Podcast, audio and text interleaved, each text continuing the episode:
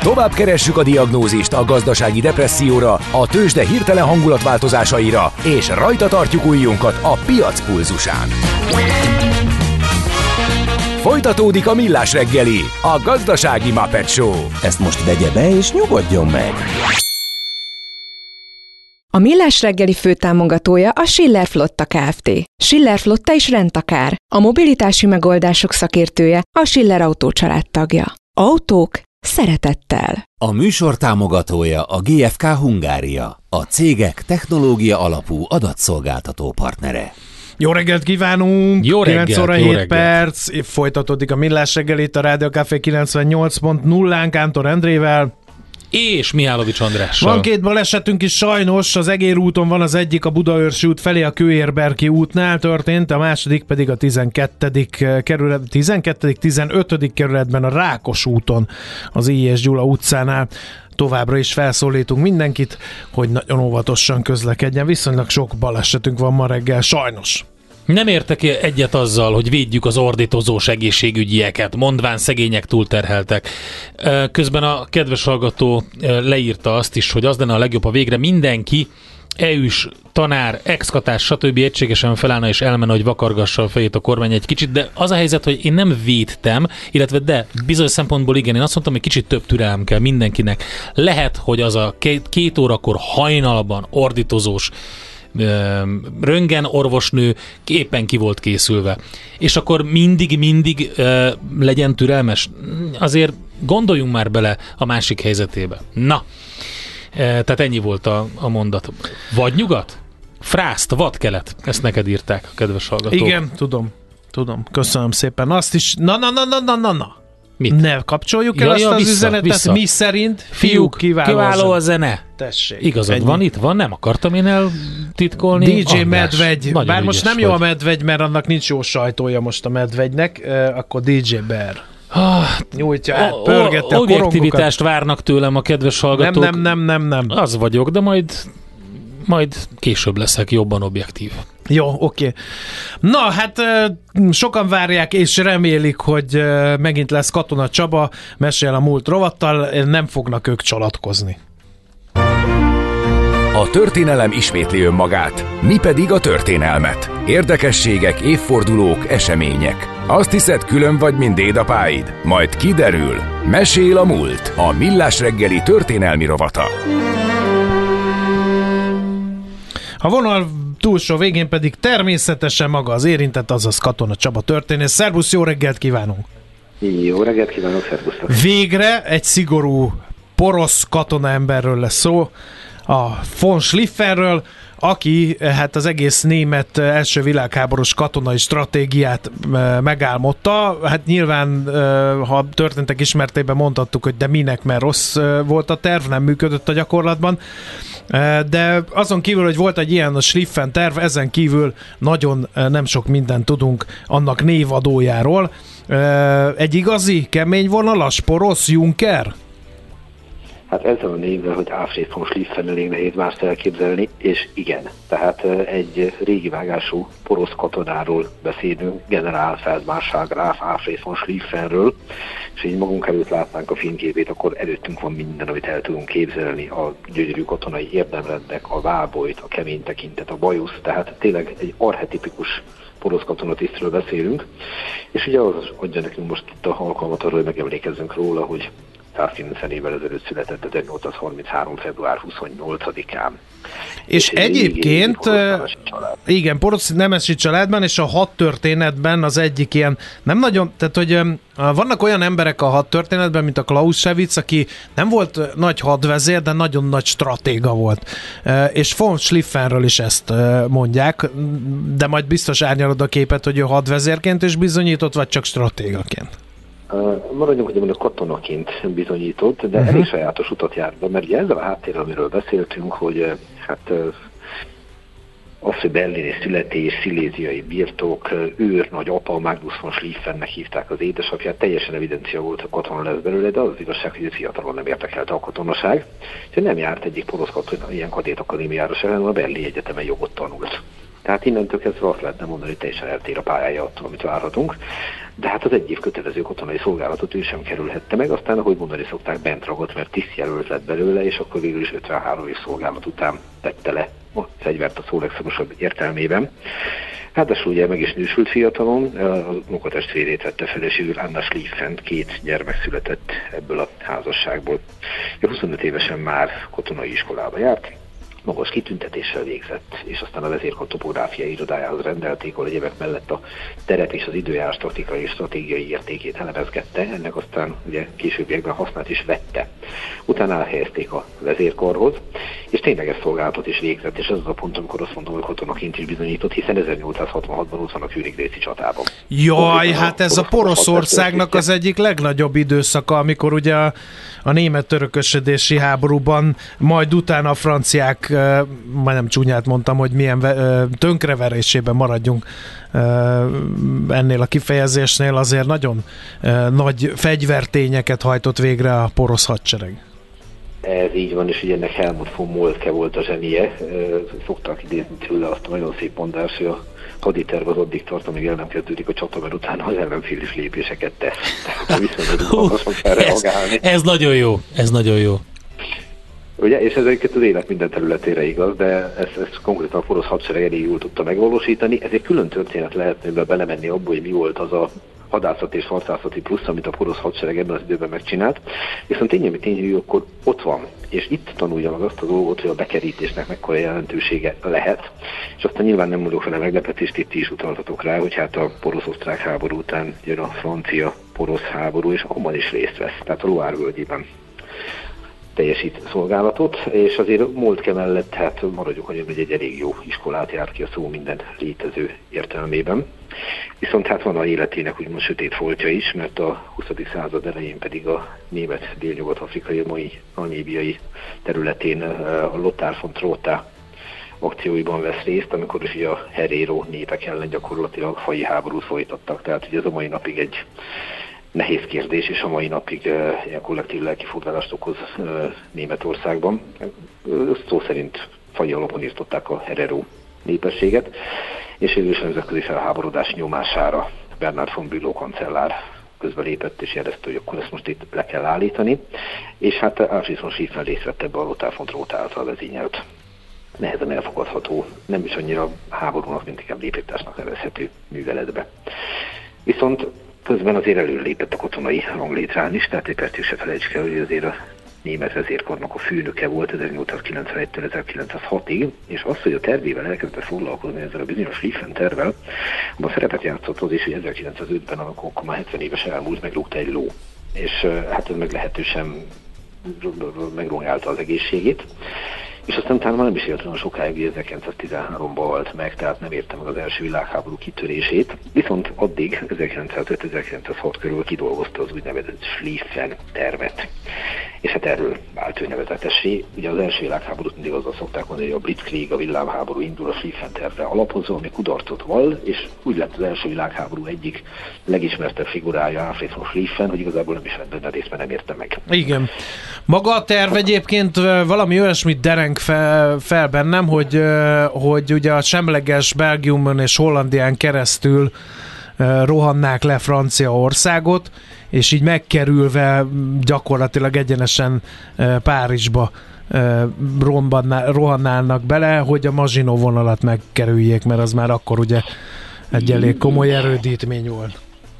Ugye itt az egész mögött az van, hogy részben ugye megtanult ezeket a bizonyos múltkeféle dolgokat, hogy a bekerítésnek mekkora jelentősége van a modern uh, háborúban, és ezt akarták alkalmazni, de ami erre kényszerítette, és ami igazából aztán a terv bizonyult, az nem más, mint a francia-orosz együttműködés. Ugye Németország attól tartott, hogy ott a franciák az oroszok között középen nagyon nehéz helyzetbe kerül egy két fontos háborúra kényszerítik, nehogy Isten, ez pedig benne voltak a labban, mert a franciák az oroszok erőteljesen közeledtek egymáshoz. Na már most az idősebb Helmut von Moltke teljesen más álláspontot foglalt el. Ő úgy gondolta, hogy minden háborúnak az a lényege, hogy a lehetőség szerint azonnal kössünk a stratégiai békét, amint erre lehetőség van. Tehát hogy nem kell feltétlenül fegyverrel rendezni a dolgokat. És Moltke úgy gondolta, hogy a kétfrontos háborúnak a lényege, hogy a német hadsereget kétfelé kell osztani, és akkor be kell állni védekezésre egyfelől természetesen Franciaország felől, másfelől pedig természetesen Oroszország felől. És mindig a védekezés a kulcs, nem támadni kell, hanem védekezni a két fontos háborúban, és ha valahol ez a védekezés sikeres, akkor a haderő át kell csoportosítani a másik frontra, akkor a végén valahogy ezt a dolgot meg, megoldjuk. Hát Így aztán ezt megcsinálták a, a poroszok a, az első világháborúba. A Tannenbergi csatával kiütötték az oroszokat Megmondom. utána. Uh, tehát ez nem csak a, a hadtörténet, vagy mi az a stratégák asztalán uh, működő kis gondolat volt, igen. Megbizony, csak előtt ugye megkísérelték a Schlieffen tervet, aminek a lényege pedig az volt, hogy, a, hogy uh, Két fontos háborút úgy kell megoldani, hogy az egyik ellenséget, nevezetesen Franciaországot elképesztő gyorsan le kell rohadni. Mégpedig úgy, hogy valóban ne szaladjunk neki a védelmi vonalnak, ne elzártó terengiára, meg erre a részre helyezzük a hangsúlyt, hanem valóban hagyjuk figyelmen kívül Belgium semlegességét, és fontos északon egy villámgyors megkerülő hadművelettel kerüljünk a franciák hátába, miközben a vonalnál a német csapatok csak védekezést folytatnak, és abban a pillanatban ugye két tűz közé kerül Franciaország, ez a kalapács és üllő elve, és innentől kezdve ha legyőztük Franciaországot egy villámháborúban, akkor utána át lehet csoportosítani az erőket Oroszország irányába. Na most a tervnek azért volt néhány hibája. Kezdjük mindjárt ott, hogy 1950-1906 körül dolgozta ki ezt Schlieffen, és aztán pedig ugye elkezdték ezt tovább fejleszgetni az első világháború viszonyaira, de figyelemen kívül hagytak néhány dolgot. Tehát például azt, hogy nagyon jó esély van arra, hogy amennyiben Belgiumot megtámadják, akkor Nagy-Britannia ezt nem fogja szó nélkül hagyni. Ez volt az egyik legsúlyosabb hiba, amit, amit egyszerűen nem, nehéz is érteni, hogy ez hogyan lehetett, ennél még a lehetőségével se számoltak. Aztán további tervekként, további hibákként vetették még föl például azt, hogy arra is építették egyebek mellett ezt, hogy azért lehet Franciaországot világosan lerohanni, mert az oroszok rendkívül lassan mozgósítanak. Igen, ám, de az oroszok a tízes évekre sokkal gyorsabban tudtak már mozgósítani, tapa, tanulva a korábbi kudarcaikból, mint ahogy azt 1905-1906-ban tették. Tehát a felgyorsulást nem vették figyelembe. Aztán nagyon mellett ezt a bekerítési dolgot 1870-re alapozták, ez a francia háborúra, de hát akkor Franciaországnak ugye nem volt szövetségese, akkor Oroszország és Franciaország ketten tusakodtak úgymond, itt meg azért mégiscsak ott voltak az oroszok, és mint tudjuk, ugye egy első világháborúba torkollott az egész. És hát nagyon-nagyon fontos lett volna, hogy a vezérkar és a csapatok vezetői között állandó és gyors kommunikáció, ami a korabeli viszonyok között viszont elképzelhetetlen volt, és a legnagyobb hibája volt talán a tervnek, hogy nem volt B-terv arra az esetre, hogyha nem jön be. Tehát, hogyha nem sikerül ez a villámgyors bekerítés, akkor, akkor mi fog történni? És ugye, ha stratégiába gondolkodom, és nem csak abban, hogy na, ez a cél, rohanjunk előre, akkor számolnunk kell azzal, hogy hibapontok jönnek be, és A terv mellett B, C, B tervet elő kell készíteni. És hát a Schlieffen tervvel az történt, hogy nem egészen jött be a történet, eléggé hazárjátéknak tűnt, kicsit ilyen ullim volt a Schlieffen terv rohanjuk le a franciákat, és ha bejön, akkor az nagyon-nagyon jó lesz nekünk, de hát nem így történt. Figyelembe veszük még azt is, hogy a monarchia csapatai nem teljesítettek a legjobban, amikor 1914-ben elindult egy világháború felé az egész hadművelet, gyakorlatilag oda jutottunk, hogy a Schlieffen-féle tervet az ifjafó múltkével az élen gyakorlatilag nem korszerűsítették az első világháború viszonyaira, és ilyen értelemben már-már úgy tűnik, hogy kódolva volt a kudarc, de ez meg nem Alfred von Schlieffen nem volt uh-huh. hát ő már nem volt. Mennyire játszott szerepet a fegyverzetnek a fejlődése ezeknek a terveknek a kudarcában? Ezt azért kérdezem, mert hogy a, mind a porosz-francia, mind a, a porosz-osztrák háborúban azt mondják a hozzáértők, és erre egy csomó uh, tanulmányt elolvastam, hogy ott, ott a porosz hadseregnek uh, a hadi technikája fejlődött annyit az ellenfelekhez képest, azon kívül, hogy Moltke egy, egy hadvezéri géniusz volt, hogy ez már elég komoly előnyt jelentett. Ez azért érdekes, mert hogy a kettő közö, közötti időszakról beszélünk, tehát már túl vagyunk a porosz-osztrák meg a, a porosz-francia háborún, de még nem vagyunk az első világháborúba, ami ugye megint csak a hagyományos korábbi hadviseléseket felülíró változásokat hozott, mert ugye a lövészárok háború volt, ami akárhogy is nézzük, valahol egy erődítmény. Abszolút, és így arra is fel kell készülni, hogy a modern technikai eszközökkel a védekezésnek a lehetősége az önkívül módon megjavul. Tehát, hogy mondjuk egy város egy erődöt kell ostromolni, az bizony nem fog lemenni két-három nap alatt, sőt, inkább egy hónapot kell rászámolni. Azokat ugye nem lehet a hátunk mögött hagyni, ha nyomulok előre. Na most, ami a technikai fölényt illeti, az 1866-ban nagyon-nagyon erősen a poroszok oldalán volt, és még 1870-ben is a franciák ellen. Sokkal modernebb fegyvereket használtak, és meg voltak olyan dolgai, hogy például a katonáikat nem úgy állították föl, mint a 19. század elején, hogy egymás mögött állnak fegyelmezett sorba, mert a modern fegyver három-négy ember testét is át tudta vinni, tehát ők össze-vissza álltak föl akkor például ilyen dolgaik voltak, hogy túl a tűzfegyverek erején hogy ha szétszorodott egy csapat, akkor nem kellett megkeresni a saját csapattársait, az azonos színű, azonosítóval ellátott embereket, hanem egyszerűen tíz porosz katonának már is össze kellett állni kötelékbe, tök mindegy, hogy éppen mi volt uh-huh. az eredeti csapatteste. Tehát ezek a dolgok voltak azok, amik óriási fölény biztosítottak számukra, de hát ipari kémkedés van, modern technika van, tehát amit a poroszok megcsináltak, az a fölény pont addig tartott, amíg el nem kezdte őket utánozni mindenki. Igen. És, és tök furcsa dolog még ezzel az egész Schliffen tervel, hogy nem a Schliffen tervet, de valami olyasmit megcsináltak a németek a második világháborúban, ott meg bejött. Ott meg bejött, igen, valóban így van. Tehát ugye ez a megkerülés taktika működött, csak láthatjuk, hogy az is csak arra volt elég, és ugye ez, amit Németország két világháborúban nem nőtt, nem mért föl, az, amit az idősebb Helmut von Moltke mondott, hogy a gyors háború után gyors béke. Mert ha az nincs meg, egy hosszabb távú háborúban a központi hatalmak és azon belül Németország az bizony úgy be van szorítva a kontinens közepére, hogy nem fogja megnyerni a háborút. Uh-huh. De csatát nyerhet, de háborút nem és ezt Moltke elég tisztán látta, tehát miközben egy katonai zseniről beszélünk, azért azt sem árt látni, ugye, hogy ő pontosan tudta, hogy a háború nem cél, hanem eszköz, és csak egy bizonyos ideig lehet eredményesen alkalmazni Németország érdekébe. Utána pedig, hogyha nem sikerül ebből időben kijönni, akkor bajba kerül Németország. Nem véletlenül használták a Blitzkrieg kifejezést, és ugye ez viszont ilyen értelemben egyik háborúban se jött be. Azt itt a kedves hallgató, közben én figyeltem itt nagyon, hogy mi történt itt a porosz hadseregnek a döntéshozatalánál, hogy az első agilis menedzsment lépéseket akkor a porosz hadseregnek köszönhetjük.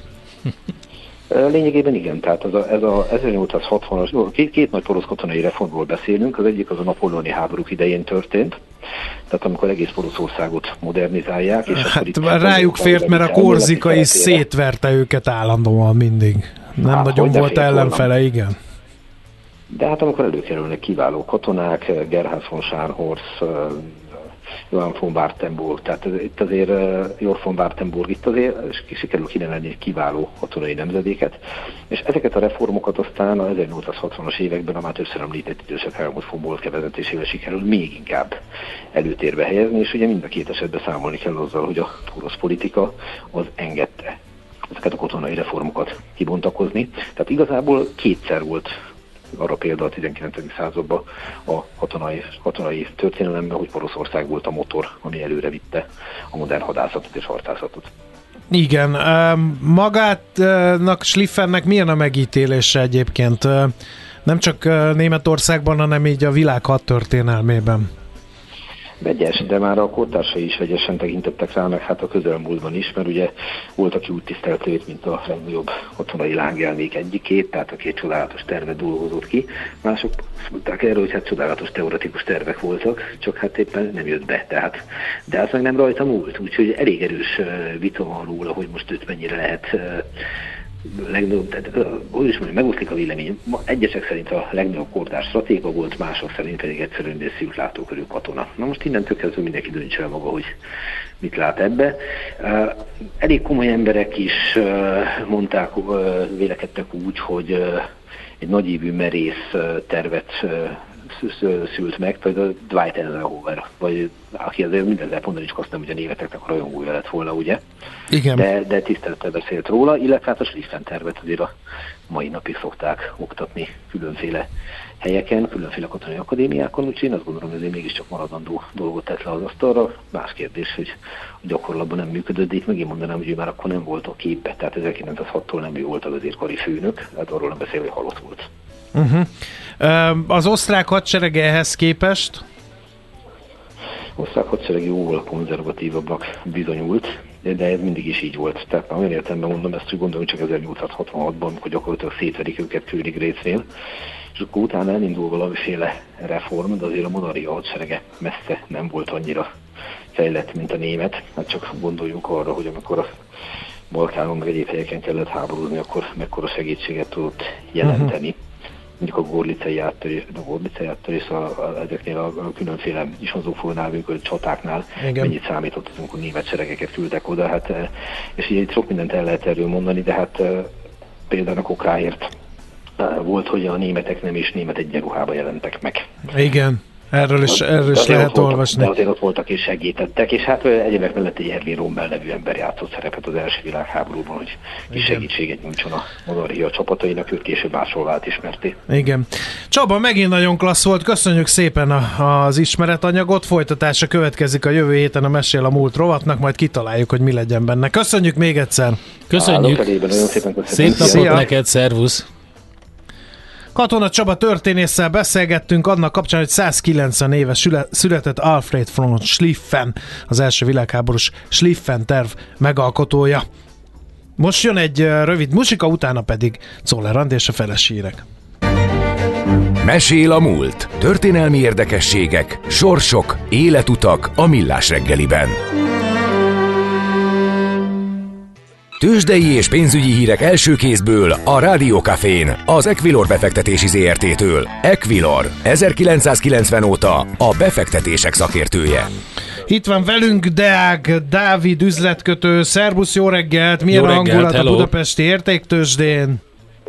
Sziasztok, jó reggelt, üdvözlöm a hallgatókat. Hát elég rossz a hangulat a budapesti értéktősdén, viszonylag nagy forgalommal hmm. esik a hazai részvénypiac 6%-os mínuszban nyit a Bux Index 44.646 ponton áll, 1,3 milliárd közeli forgalommal, és hát a rossz hangulat ugye részben annak köszönhető, hogy ugye a Richter azért a várnál rosszabb gyors jelentést mutatott a befektetőknek, és hát ugye emiatt ő a nap legnagyobb vesztese nagy forgalommal esik a hazai gyógyszergyártónk, most jelenleg 7480 forinton kereskedik, úgyhogy igazából ennek köszönhető a rossz hangulat. Egyébként a többi blue chipünk is az e, eseged, de azért, azért közel sem ekkora. A Richter gyors jelentést olvastad? Nem akarlak kellemetlen helyzetbe hozni, mert mi nem osztottunk meg róla, hogy esetleg mi volt a baj a gyors jelentéssel.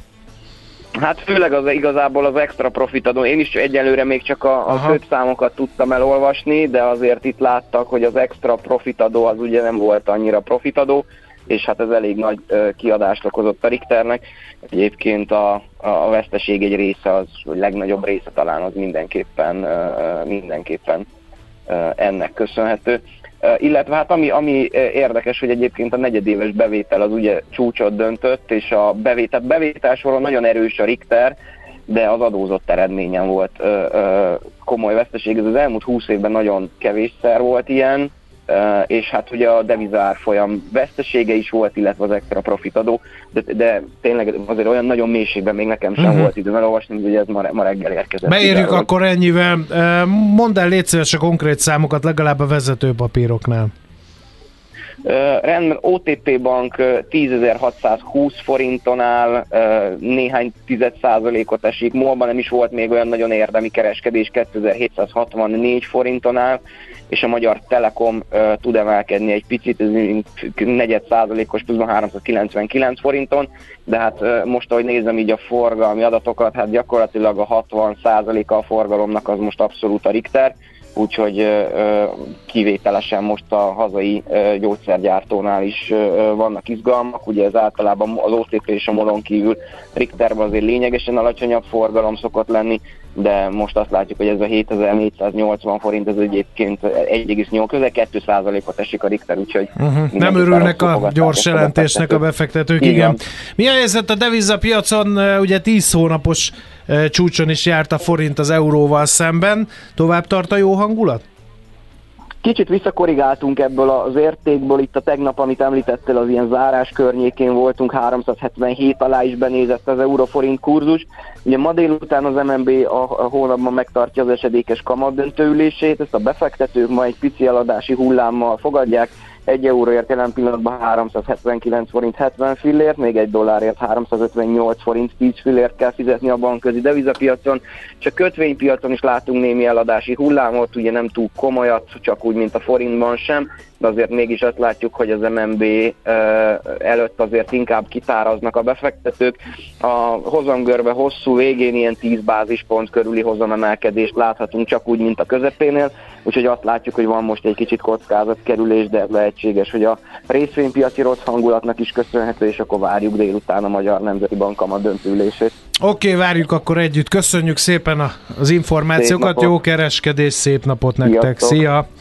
Deák Dávid üzletkötővel beszélgettünk. Közben néztem a Richter gyors jelentését, ugye több tekintetben rekordokat hozott a pénzügyi év utolsó három hónapja a Richternél, ez a 2022-es. Vannak pozitívak, de negatív rekordok is, sajnos. Az adózott eredmény az talán a legfontosabb, ez 40 milliárd forintos veszteség lett, és ez a legpesszimistább elemzői várakozásoktól is elmarad, ami 10 milliárd forintos mínusz volt a gyors jelentést megelőzően. Tehát a, a legpesszimistább várakozás volt 10 milliárd, de ehhez képest lett 40, úgyhogy nem csoda az, hogy mekkora esésben a Richter, és hogy ez húzza lefele a budapesti értéktősdét. Oké, menjünk akkor tovább egy jó zenével, aztán kultmogul rovatunk jelentkezik. Tőzsdei és pénzügyi híreket hallottatok a Rádiókafén az Equilor befektetési ZRT-től. Equilor, 1990 óta a befektetések szakértője. A kultúra, befektetés önmagunkba, a hozam, előrevívő gondolatok. Könyv, film, színház, kiállítás, műtárgy, zene. Ha a bankszámlád mellett a lelked és szürke állományod is építeni szeretnéd. Kultmogul. A millás reggeli műfajokon és zsánereken átívelő kulturális hozamgeneráló rovata következik. Na hát idén csak nem 40 kortárs és klasszikus galéria, aukciós ház és műtárgykereskedő kiállító várja az érdeklődőket a hétvégén nyitó 5. Art and Antique művészeti vásárra, és az a szerencsénk van, hogy itt van velünk Faur Zsófi galériás és Tausz Ádám az Art and Antique művészeti kiállítás és vásár főszervezője. A stúdióban jó reggelt kívánunk! Jó reggelt! Na, mit kell tudni az Art and Antique-ről? Beszéljünk akkor magáról a, a vásárról először. Art-e vagy antik? Art and Antik. Együtt a De kettő. elsősorban. Art, Art and Antik, Antik, ugye ez a piac ez egy kicsit úgy változott az elmúlt 30 évben kortárs az előtérbe kerül, de maga a rendezőink az öt éves múltra tekint vissza. 2019-ben szereztük az első kiállításunkat, és most ugye most az ötödik kiállításunk. Ez kortárs és klasszikus kiállítás, tehát ugyanúgy vannak klasszikus és kortárs galériák. Nem csak festmények vannak, hanem szobrok, műtárgyak, ékszerek, szőnyek, tehát hogy próbáljuk szélesíteni a palettát, hogy a látogatók minél nagyobb képet kapjanak erről az egész műtárgypiacról, ami Magyarországon létezik. Hát ugye elsősorban festmény jut az ember eszébe, talán ez a leg, hogy is, ez a, ez a legpopulárisabb műfaj, hogyha lehet, nem? Abszolút. Igen, ma hát még mindig vannak ilyen statisztikák, hogy 100 eladott műtárgyból 90 még mindig festmény. Ennek ellenére azért én azt gondolom, hogy minden galéria próbál ennél szélesebb palettát nyújtani. Nálam is, akkor én ugye kortás galéria vagyok, szerződött művészkörrel, aminek a körülbelül a fele festő, de vannak benne kortárs fotográfusok, illetve szobrászok is. Ha már a kortárs elhangzott, hadd kérdezzek én is bele, mert Eder lendületbe jött teljesen, hogy ennek most nagyon érdekes szófordulat következik, a kortársnak, kortársnak mint a reneszánsza lenne, tehát nagyon sok uh, uh, helyi foglalkozik a kortárs műtárgyakkal, a kortárs műtárgyak piacával, nagyon szép eredményeket érnek el az aukciókon, ez jól állapított tudtam én meg, hogy ez most így divattá vált hirtelen? Igen, azt gondolom, hogy, hogy ez így van, ennek azért több oka is van. Nyilván annak van egy előnye, hogy olyan műtárgyakat néz, vagy vásárol az ember, ahol meg lehet ismerkedni a művészet, tehát kortársunk. Ugye olyan, valószínűleg olyan alkotások is születnek, amelyek részben reflektálnak a, a mai korra, amiben élünk, illetve nemzetközi szinten a kortárs képzőművészeti alkotások áraiban olyan potenciál van, amit nagyon kevés legális más üzlet tud. Közben azt akartam így bedobni így a festmények mellé, hogy hát milyen érdekes, hogy mindenkinek megvan Rodden a gondolkodó, ugye? Mert az egyik ilyen te, tök eklatáns dolog, ami ott van a, a rajz és művészet tankönyvekben, és hogy nem a szoba, szobrászat az, ami, tehát hogy a szobrászat kevésbé populáris, amikor, amikor arra gondolunk, hogy valaki magának valamit szeretne vásárolni. Egyébként pont a szobrászat, hál' Istennek én úgy látom, hogy kezd egy kicsit előtérbe kerülni. Én gyakorlatilag 22 éve alapítottam a galériámat, nagyon-nagyon szerettem mindig is a szobrokat. Ugye ennek több oka van. Az egyik az az, hogy a, a szobrászat, mint műfaj teljesen más, mint a festészet. Tehát nagyon sokáig a legnagyobb szobrász életmű 240 darab volt. Uh-huh. Tehát egy szobor elkészítésének a folyamata sokkal lassabb. Egy szobor ugye nyilván főleg régebben anyagban készült, tehát bronz vagy kő, sokkal drágább, fajlagosan egy műtárgy előállításának a költsége, és nem lehetett annyit elkérni érte, hogy, hogy ezt a munkafolyamatot és anyagköltséget behozza. Úgyhogy, úgyhogy egy más műfaj, de hát háromdimenziós és körbejárható, és nagyon izgalmas szerintem most kezdik újra felfedezni, hál' Istennek. Ádám, mi az, ami még érdekes trend lehet, hogy esetleg egy kicsit el volt felejtve, és, és jön vissza? Talán a szőnyeg, vagy, vagy valami más? Emberek sok uh, mindenfelé érdeklődnek, tehát minden, ami, ami, ami érdekes számukra, meg, meg divatos, vagy amit felkapnak, az iránt érdeklődnek, de, de azért a, a az tényleg a, a képek, és utána pedig a, a, a szobrok, én azt gondolom. Tehát, hogy vannak, vannak más területek is, de annak nincs olyan gyűjtői, vagy olyan, olyan köre, hogy, hogy, hogy gyorsan tudna fejlődni mondjuk, és előtérbe tudna kerülni. Hogy változott az elmúlt években ez az egész széna, mondjuk 94 óta? Tudom, hogy rövid az idő, ezt így összefoglalni, de hogy, hogy lehet ezt leírni? Voltak hullámvölgyök nyilván, de, de most úgy, úgy tűnik nekem, hogy az aukcióknál is, hogy, hogy azért így felívelő szakasz van. Én inkább arról tudok most neked beszél, beszélni, hogy ugye 94-ben az első antikentérőt, amikor megszerveztük még anno a Néprajzi Múzeumban, akkor tulajdonképpen csak klasszikus kereskedőink voltak. Egyetlen egy kortás kereskedő sem volt. Ugye az első ilyen azt hiszem 89-ben nyitott, ami kortás galéria volt Budapesten, de az volt az egyetlen. És ugye a 2000-es évek elejétől kezdve, mint amikor a Zsóf is alapította a, a kortás galériát, onnantól kezdve kezdtek így a kortás galériák fejlődni Magyarországon. Tehát, és kezdtek így így előtérbe kerülni, de 94-től 2005-ig inkább a klasszikus galériák uralták a piacot, nem volt még aukció se nagyon, nem voltak aukciós házak sem, most a BAF-tól meg egy-kettőtől eltekintve. Most meg azért vannak markáns aukciós házak, egyre több aukció, mind online felten, mind pedig ugye, ugye élőben, és, és ezzel változott a piac szerintem inkább, hogy a kortárs galériák előtérben kerültek érthető módon, illetve az aukciós házak. Mennyire vannak jelen a külföldiek, akár vásárlóként, akár kiállítóként, mert mi mindig nagyon büszkék vagyunk, hogy a magyar termékek világhírűek, de sok, sok esetben mondják azt, hogy, hogy itthon világhírűek. De én úgy hallom, hogy azért pont ez a művészeti körre nem igaz. Tehát a kérdésed arra irányul, hogy a kiállításon Igen. A kiállításon a, a látogatók is, a meg van-e esetleg külföldi kiállító is? A mi, mi kiállításunk az abszolút egy, egy magyar kiállítás, uh-huh. tehát a, a, a legnevesebb, legjobb magyar kortás klasszikus galériák állítanak ki nálunk, ez közel 40 galériát jelent. A látogató még értelemszerűen az itt dolgozó külföldiek, diplomaták, üzletemberek látogatnak a kiállításra. Egy-két turista is bejön érthető módon, körülbelül olyan 10% a külföldi részvétele, mint látogató.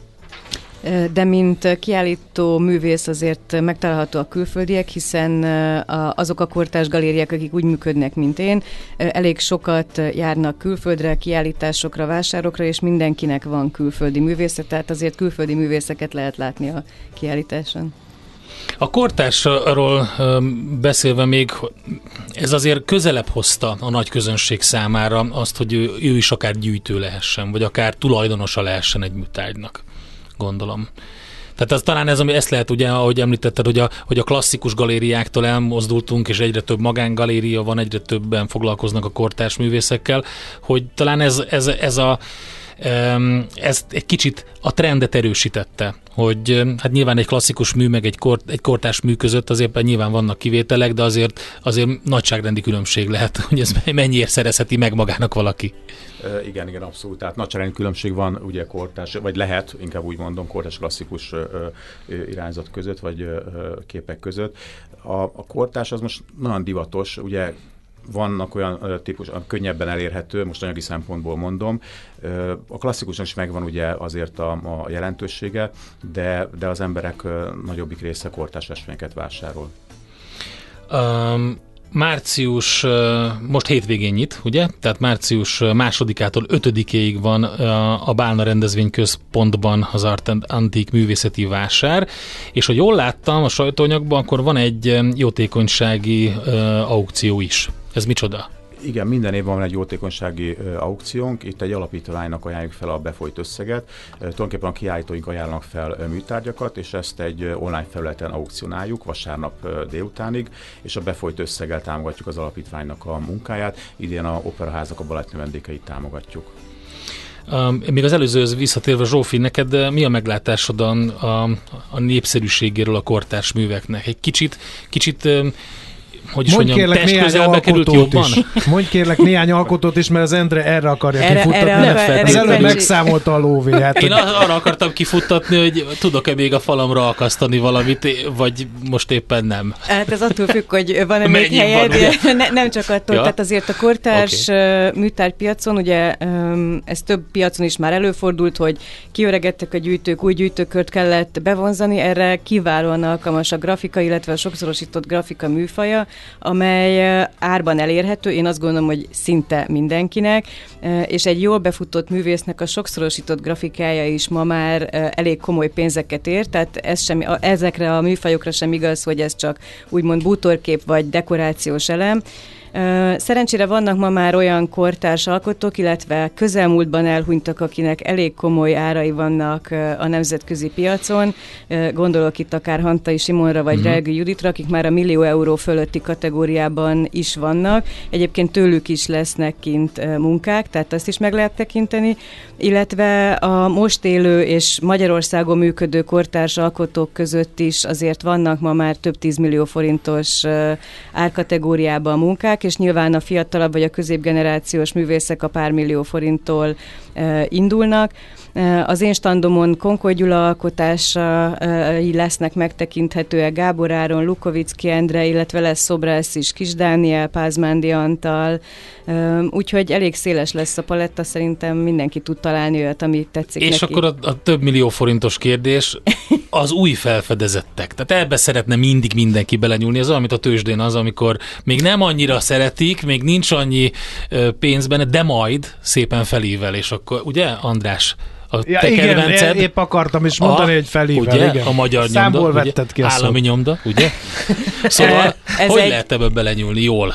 Hát jól, az elég nehéz, ezt még a galériások is nagyon szeretnék tudni szerintem, vagy a kollégák.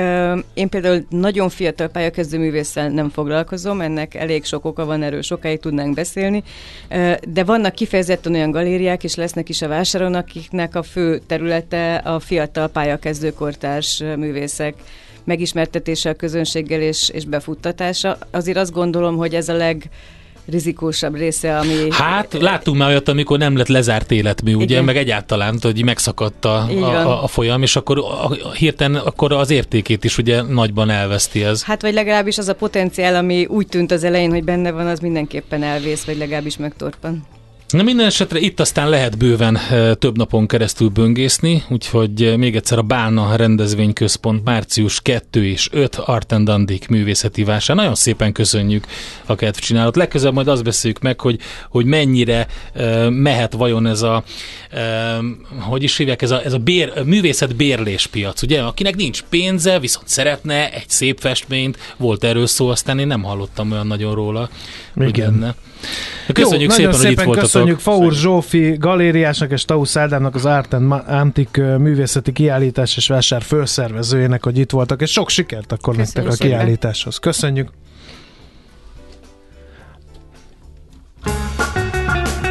A Millás reggeli műfajokon és zsánereken átívelő kulturális hozamgeneráló rovat hangzott el. Fektes be magadba, kulturálódj!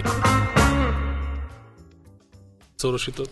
No, mi pedig uh, már a búcsú könnyes pillanataihoz jutottunk el. Könnyes? Igen. Miért? Hát én nagyon szerettem a mai adást, nem ja, szeretnék hazamenni. Tudom, hogy te rohansz, meg itt van Czollerandi, igen. Ő is szerette az adást, egy teljes emberi átalakuláson mentő keresztül Öt az elmúlt kaptál a hangodra. Igen. Nem, nincs bekapcsolva a mikrofonod, mert az András nem akar. De, de nem, nem azt, azt, hanem ezt. Igen, az, most mi történik? Azt igen, a mikrofont Hát égállítólag, de Aha. nem, nincs. Én, most, de egyébként hallani, csak nem világít a visszajelző. Beszélj a mikrofonba. Akkor ebbe beszélj, tessék. Jó, jó, jó, jó. Itt Na igen, Na, most, már, most már mindenen keresztül van. Szóval Hogy miért az utolsó reggel, igen. 15 másodpercet Igen. szomel, azt nem tudom. Na mindegy. Ö, igen, nagyon-nagyon gratulálok, teljesen, mint a kicseréltek volna, és ezt most nem hízelgésként igen. mondom. Endre, van nálad egy papír, légy szíves, arról olvassál fel ismereteket, ahelyett, hogy az bújod, amit nem kéne. A kedves hallgató írt, hogy jaj, de jó, hogy foglalkoztok a művészettel. Na, hát dehogy is nem kéne. A, pont jókor jön eh, Fehér Majával utánunk. Ő szegény, és- még mindig beteg, gyors felépülést kívánunk neki. Így van, és 10 órától Görög Ibolya, protokoll szakértő, vele beszélgetett, ő, ezt lehet majd hallani. András, az neked kimondottan fontos lesz. Ez Köszi. Minek a parasztnak csokoládé címmel, ugye? ugye? Az úgy, hogy nem való a parasztok csokoládé, és leginkább saját magamra szoktam alkalmazni ezt a mondást. Például, amikor lejtettem a nagy kijelzős okostelefonomat, és berepett, akkor Ajaj. mondtam azt, hogy na, nem való a parasztnak a csokoládé. Szóval, e, tehát, hogy a görög ibolya protokoll szakértő egyre fontosabb, a protokoll egyébként változik, más az online protokoll, mint a nem online protokoll, meg úgy egy csomó minden. Például a Covid is változtatott a protokoll szabályokon. És hogyha ö, például én is tanulnék protokollt, akkor ö, nem lennék egy, hogy is mondta a kedves Hólyag. Várjál, nem, Nem, hólyag, a, hogy, nem ja, bocsánat, hólyag. rosszat olvastam. Mindjárt mondom, hogy mi egy, egy, várjál, mindjárt mondom, egy felfúva, egy gúnyos, felfúvalkodott, cinikus hólyag. Jó, jó, jó, igen. Na mi lesz még a pont Ez jókorban? Görög. Ibolyán kívül lefogadom, hogy lesz még vendég. Lesz, kérlek szépen, egy, egy nagyon szép fekete kalap lesz itt, amiből, amiből kihúzunk egy nyuszit. Jaj. Kőhalmi Ferenc bűvész, 11 órától. András. Nagyon jó. És az meg van, a kedvenc trükköm volt, amikor a zsebkendőt bedugta az egyik fülébe, és kiúzta a másik fülébe, és így húzogatta jobbra-balra, és nem lett fülzsíros. Nem értettem Jaj. gyerekkoromban soha, hogy ez hogy van.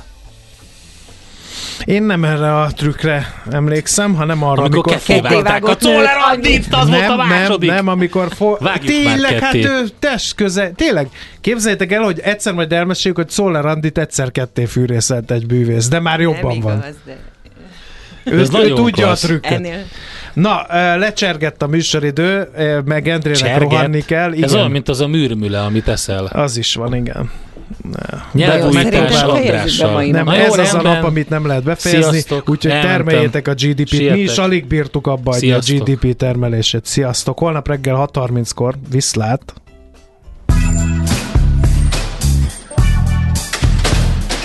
Már a véget ért ugyan a műszak, az ügyelet azonban mindig tart. A sürgősségi és félig zárt osztályon holnap reggel újra megtöltjük a kávésbögréket, és felvesszük a piaci stetoszkópot. Addig is keressetek minket közösségi rendelőnkben a Facebookon, a mai adás podcastjét pedig a rádiókafé 98hu és millásreggeli.hu oldalakon, a Spotify-on és a Google Podcast-en. Millás reggeli. A Rádiókafé gazdasági Show-ja. Két dologban bízhatsz. Az egyik mi vagyunk. A Millás reggeli főtámogatója a Schiller Flotta Kft.